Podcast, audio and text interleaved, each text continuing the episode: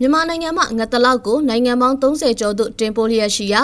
အိန္ဒိယတရုတ်နဲ့အရှေ့အလယ်ပိုင်းနိုင်ငံများသို့အဓိကတင်ပို့နေပြီးနှစ်စဉ်တန်ချိန်1000ကျော်တင်ပို့ကအမေရိကန်ဒေါ်လာတန်30ဝန်းကျင်ရရှိကြောင်းသိရပါဗျ။ရာသီဥတုပြောင်းလဲမှုကြောင့်ပင်လယ်ပြင်မှဈေးကွက်ဝင်ငတ်တလောက်ဖမ်းဆီးရရှိမှုဟာငါးအထိမိနဲလာပြီးရေလုံသားတွေအနေနဲ့အခက်ခဲချကရုန်းကန်နေရကြောင်းရေလုံသားများထံမှသိရပါဗျ။ငတ်တလောက်ဖမ်းဆီးရရှိမှုဟာ 1980ပြည့်နှစ်အလွန်များက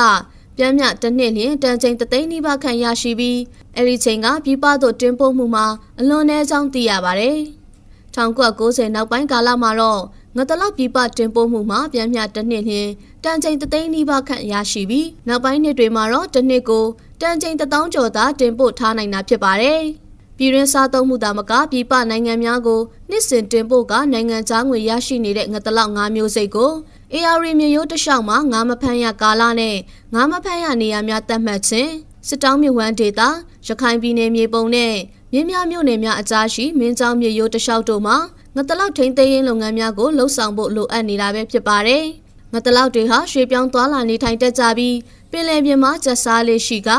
ဥပေါချိန်မှာမြေချောင်းအင်းအိမ်များသို့လာရောက်ပြောင်းရွှေ့သားပေါက်လျက်ရှိပြီးငတလောက်ငါးဟာရေချိုရေငန်နှမျိုးလုံးမှာရှင်သန်ကျက်စားနိုင်တာပဲဖြစ်ပါတယ်။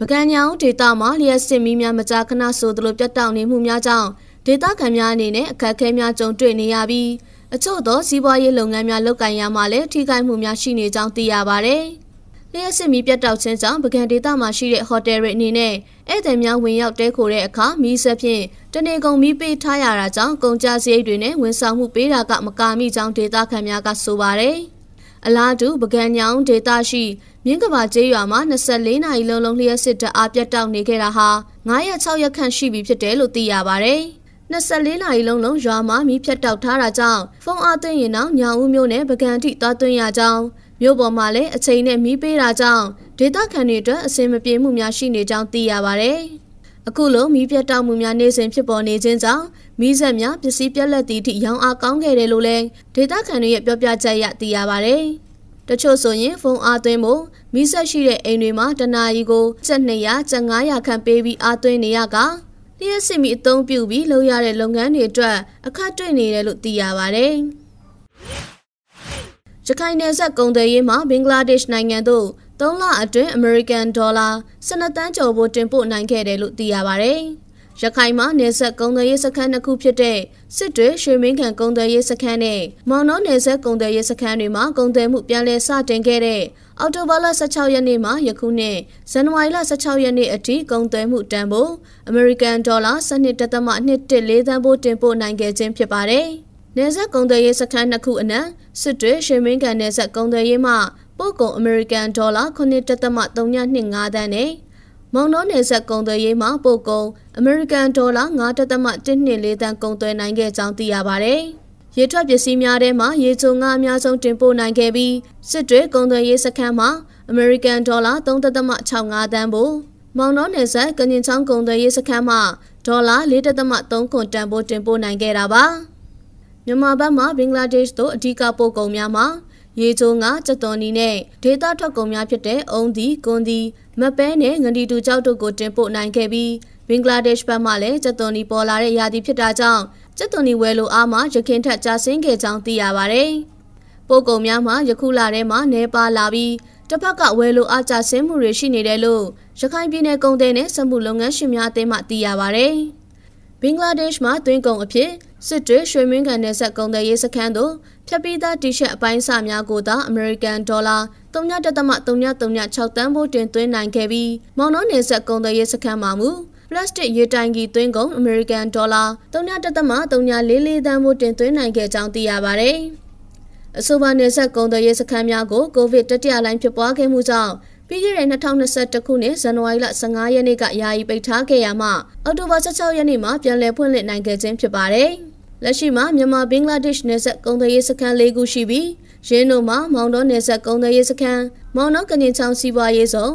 စစ်တွေရွှေမင်းကန်နယ်စပ်ကုန်သွယ်ရေးစခန်းနဲ့လွန်ခဲ့တဲ့25ရက်နေ့ကစတင်ကုန်သွယ်ခဲ့တဲ့တောင်ကုတ်နယ်စပ်ကုန်သွယ်ရေးစခန်းတို့ဖြစ်ပါတယ်။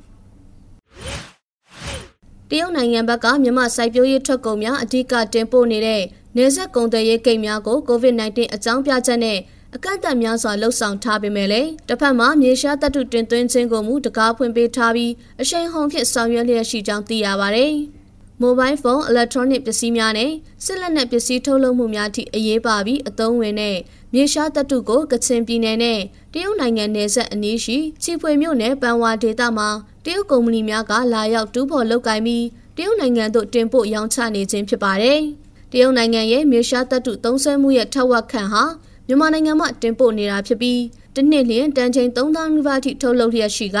တရုတ်နဲ့အမေရိကန်ပြီးလျင်မြန်မာဟာမြေရှားတပ်တုတတိယအများဆုံးထုတ်လုပ်နိုင်တဲ့နိုင်ငံလည်းဖြစ်ပါတယ်။မြန်မာတရုတ်နယ်စပ်ဂိတ်တွေကိုပြီးခဲ့တဲ့နှစ်နိုဝင်ဘာလကုန်ပိုင်းကပြန်လည်ဖွင့်လှစ်ခဲ့ပြီးနောက်မြန်မာဘက်မှတရုတ်တို့မြေရှားတပ်တုတင်ပို့မှုများပြန်လည်စတင်လာခဲ့ကြောင်းတရုတ်ဆိုးရပိုင်း Global Time သတင်းစာက2021ခုနှစ်ဒီဇင်ဘာလအစောပိုင်းကဖော်ပြခဲ့ပါတယ်။ လက်တလောအချက်လက်များအရတရုတ်ကုမ္ပဏီခုနှစ်ခုခန့်ကမြေဧက150ကျော်စီဖြင့်မြေရှားတပ်တုတူးဖော်ရေးလုပ်ငန်းများလုပ်ကိုင်လျက်ရှိပြီးအဲ့ဒီဒေသမှာမြန်မာလူသား2000ကျော်နဲ့တရုတ်လူမျိုး1000ဝန်းကျင်အထိရှိနေကြောင်းသိရပါဗျ။အဆိုပါတပ်တုတူးဖော်ရေးလုပ်ငန်းများကိုတရုတ်လူမျိုးကျွမ်းကျင်သူများကကြီးကြပ်ပြီးမြန်မာနိုင်ငံသားများကအခြေခံအလုပ်များကိုလှုပ်ဆောင်ရခြင်းဖြစ်ပါတယ်။မြန်မာနိုင်ငံဘက်မှတရုတ်ပြည်ဈေးကွက်သို့အဓိကတင်ပို့နေတဲ့မြေရှားတပ်တုအမျိုးအစားရဲ့ဈေးနှုန်းဟာ1ကီလိုဂရမ်လျှင်ယွမ်3500 အမေရိကန်ဒေါ်လာ900ကျော်ဝန်းကျင်နဲ့ယွမ်1900ဝန်းကျင်အမေရိကန်ဒေါ်လာ150ကျော်ထိဈေးရရှိကြောင်းသိရပါဗျ။မြန်မာနိုင်ငံမှာမြေရှားတပ်တုတူးဖော်မှုများကို2019ခုနှစ်မှာစတင်ကကြကြဲပြန့်ပြန့်စတင်လှုပ်ဆောင်ခဲ့ပြီးတရုတ်နိုင်ငံဘက်ကလည်းယခုနောက်ပိုင်းနှစ်တွေမှာ၎င်းတို့နိုင်ငံအတွင်းမှာမြေရှားတပ်တုတူးဖော်မှုကိုတဘာဝပတ်ဝန်းကျင်ထိခိုက်မှုနဲ့လုံအားကဈေးကြီးမြင့်မှုတို့ကြောင့်လုံအားကဈေးပေါ်တဲ့မြန်မာနိုင်ငံဘက်သို့တိုးချဲ့လုတ်ကင်လာတာဖြစ်ပါတယ်။ မြေရှားဈေးကွက်ကိုအဓိကချုပ်ကင်ထားတဲ့တရုတ်နိုင်ငံတို့မြန်မာနိုင်ငံကမြေရှားတပ်တုတင်ပို့တဲ့နိုင်ငံဖြစ်ပေမဲ့မြေရှားတင်ပို့မှုမှာနှစ်စဉ်ဝင်ငွေမြင့်မြရရှိသည်ကိုတော့သေချာမသိရတာဖြစ်ပါတယ်။မန္တလေးပဲဈေးကွက်အတွင်း2022ပဲရာသီမှာပဲစင်းကုန်ဈေးဟာမနှစ်ကကာလတူဈေးနှုန်းထက်သုံးလင်းဝင်တအိတ်ကို9000ကျော်လောက်ထိဈေးနှုန်းမြင့်တက်နေပြီးမြေထောက်ပဲတွေကတော့စတင်ဝင်ရောက်ချိန်ပေါ်ဥပေါ်ပြားချိန်မှာပဲမနှစ်ကထက် သုံးနှစ်ဝင်တအိတ်ကိုငွေကျပ်4000လောက်ထိဈေးနှုန်းမြင့်တက်နေတယ်လို့မန္တလေးပဲနှံကုန်သည်တွေစီကနေသိရပါဗျ။ပြီးခဲ့တဲ့နှစ်ကပဲစင်းကုန်သုံးနှစ်ဝင်တအိတ်ကိုငွေကျပ်9000ဝန်းကျင်ရှိခဲ့ပေမဲ့ဒီနှစ်မှာတော့တအိတ်ကိုငွေကျပ်32500လောက်ထိပေါက်ဈေးရှိနေကမြေထောက်ပဲကတော့မနှစ်ကသုံးနှစ်ဝင်တအိတ်ကိုငွေကျပ်35000ကျပ်ရှိခဲ့ပေမဲ့ဒီနှစ်မှာတော့သုံးနှစ်ဝင်တအိတ်ကိုငွေကျပ်34500ပေါက်ဈေးရှိနေတာဖြစ်ပါတယ်။ ပဲစင်းကုံဟာအဖြူအနီအကြား၃မျိုးရှိပြီးတခြားပဲစင်းကုံတွေထက်တထောင်ခန့်ပုံမိုဈေးမြင့်တက်လေရှိတယ်လို့သိရပါဗျ။နောက်နှစ်ပတ်လောက်ကြာတဲ့အခါမှာခင်ဦးရွှေဘိုရေဦးမြို့နဲ့ကြောက်ပတောင်မကွေးဘက်ကလည်းပဲစင်းကုံအစ်စ်တွေမန်းလေးဈေးကွက်အတွင်းသို့ဝင်ရောက်လာတော့မှာဖြစ်ပါတယ်။ပဲစင်းကုံကိုမြန်မာနိုင်ငံအလဲပိုင်းနဲ့အထက်ပိုင်းဒေသတွေဖြစ်တဲ့မန္တလေးမကွေးတိုင်းဒေသကြီးတို့မှာအဓိကစိုက်ပျိုးကြပြီးစိုက်ပျိုးစိတ်အသက်သာဆုံးနဲ့ရာသီဥတုဒဏ်ကိုခံနိုင်ရရှိတဲ့သီးနှံဖြစ်တယ်လို့သိရပါတယ်။ မြေထောက်ပဲကတော့ပူတဲ့ဒေသတွေနဲ့ဝန်းများတဲ့ဒေသတောင်ပေါ်တွေမှာလည်းစိုက်ပျိုးဖြစ်ထွန်းမှုမရှိဘဲရာသီဥတုမပူမနွေးအရက်ဒေသတွေမှာစိုက်ပျိုးထွက်ရှိတာဖြစ်တယ်လို့သိရပါဗျ။မြေထောက်ပဲကိုချင်းတွင်းမြဝန်းတလျှောက်ကကလေးကလေးဝဂံကောမြို့နယ်တွေမှာစိုက်ပျိုးအောင်မြင်လေးရှိပြီးအိန္ဒိယနိုင်ငံကိုအဓိကတင်ပို့ရောင်းချရတယ်လို့သိရပါဗျ။ပြီးခဲ့တဲ့9နှစ်လောက်ကစပြီးတရုတ်ပြည်ဈေးကွက်ကိုလည်းစမ်းသက်တင်ပို့ရောင်းချရမှာတရုတ်စားသုံးသူတွေကကြိုက်နှစ်သက်တာကြောင့် တရုတ်ပြည်ကိုလည်းအနှဲငယ်တင်ပို့ရတယ်လို့သိရပါဗျ။အိန္ဒိယနိုင်ငံသို့တန့်စင်အောင်ပြုလုပ်ပြီးတခြားဥရောပနိုင်ငံများကိုလည်းတင်ပို့နေရတာဖြစ်တာကြောင့်အိန္ဒိယနိုင်ငံလိုကုန်ချောပြုလုပ်ရောင်းချနိုင်ဖို့ကိုလည်းတီထွင်စမ်းသစ်တင်တယ်လို့လည်းကုန်သည်တွေကဆိုပါတယ်။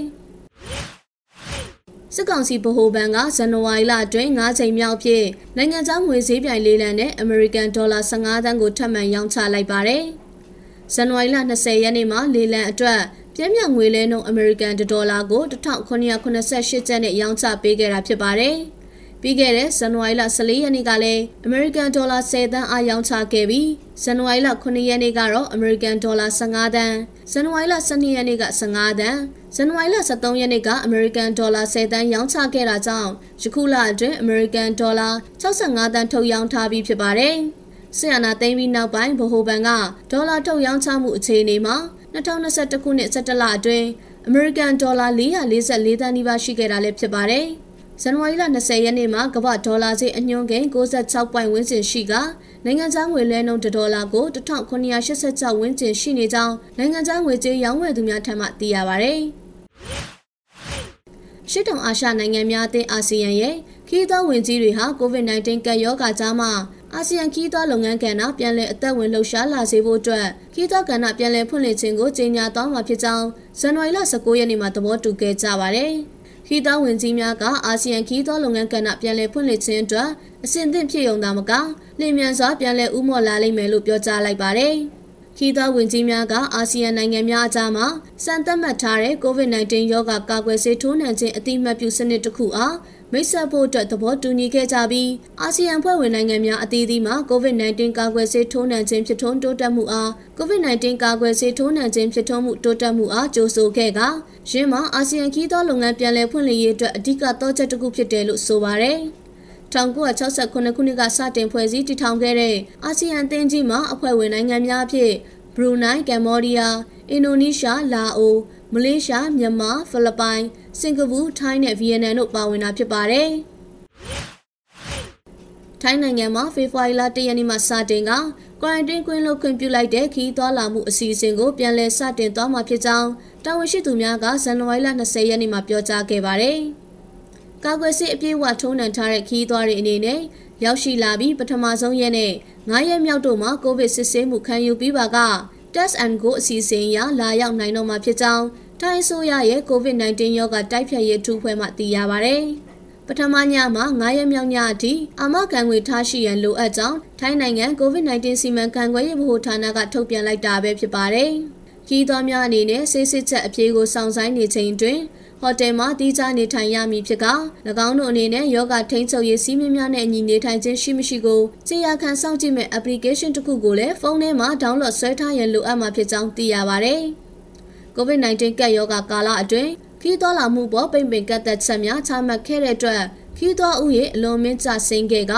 ခီးတော်လုပ်ငန်းအပေါ်အထူးကမိခိုနေတဲ့ထိုင်းနိုင်ငံရဲ့စီးပွားရေးကိုအကြီးအကျယ်ထိခိုက်စေခဲ့ပါတယ်။1998ခုနှစ်အာရှဘဏ္ဍာရေးအကြက်တဲနောက်ပိုင်းအဆိုးဝါးဆုံးစီးပွားရေးဆွမ်းဆောင်မှုမှရုံထွက်ဖို့ကြိုးပမ်းနေတဲ့ထိုင်းဆိုးရအနေနဲ့နှစ်ပတ်ကြာဟိုတယ်ကွာရန်တင်းဝင်ရမယ့်အစီအစဉ်ကိုအစားထိုးမဲ့တက်ဆန်ကိုအစီအစဉ်ကိုပြီးခဲ့တဲ့နှစ်နိုဝင်ဘာလမှာစတင်ခဲ့တာဖြစ်ပါတယ်။ ပြီးခဲ့တဲ့လနှောင်းပိုင်းမှာတော့ Omicron မျိုးကွဲ virus ကူးစက်ပြန့်ပွားမှုအန္တရာယ်ပေါ်စိုးရိမ်မှုတွေရှိလာတာကြောင့်၎င်းအစီအစဉ်ကိုအာဏာပိုင်များကယာယီရပ်ဆိုင်းခဲ့တာဖြစ်ပါတယ်။ယခုအခါလူသေးဆုံးမှုနဲ့ဆေးရုံတက်ရောက်မှုများတိတိတတ်တာမြင့်တက်လာခြင်းမရှိတဲ့အတွက်၎င်းစီစဉ်ကိုပြန်လည်စတင်နိုင်ပြီဖြစ်ပေမဲ့လည်းအာဏာပိုင်များကတော့လေးလာဆန်းစစ်မှုတွေကိုဆက်လက်လှုပ်ဆောင်သွားမှာလို့သိရပါဗျ။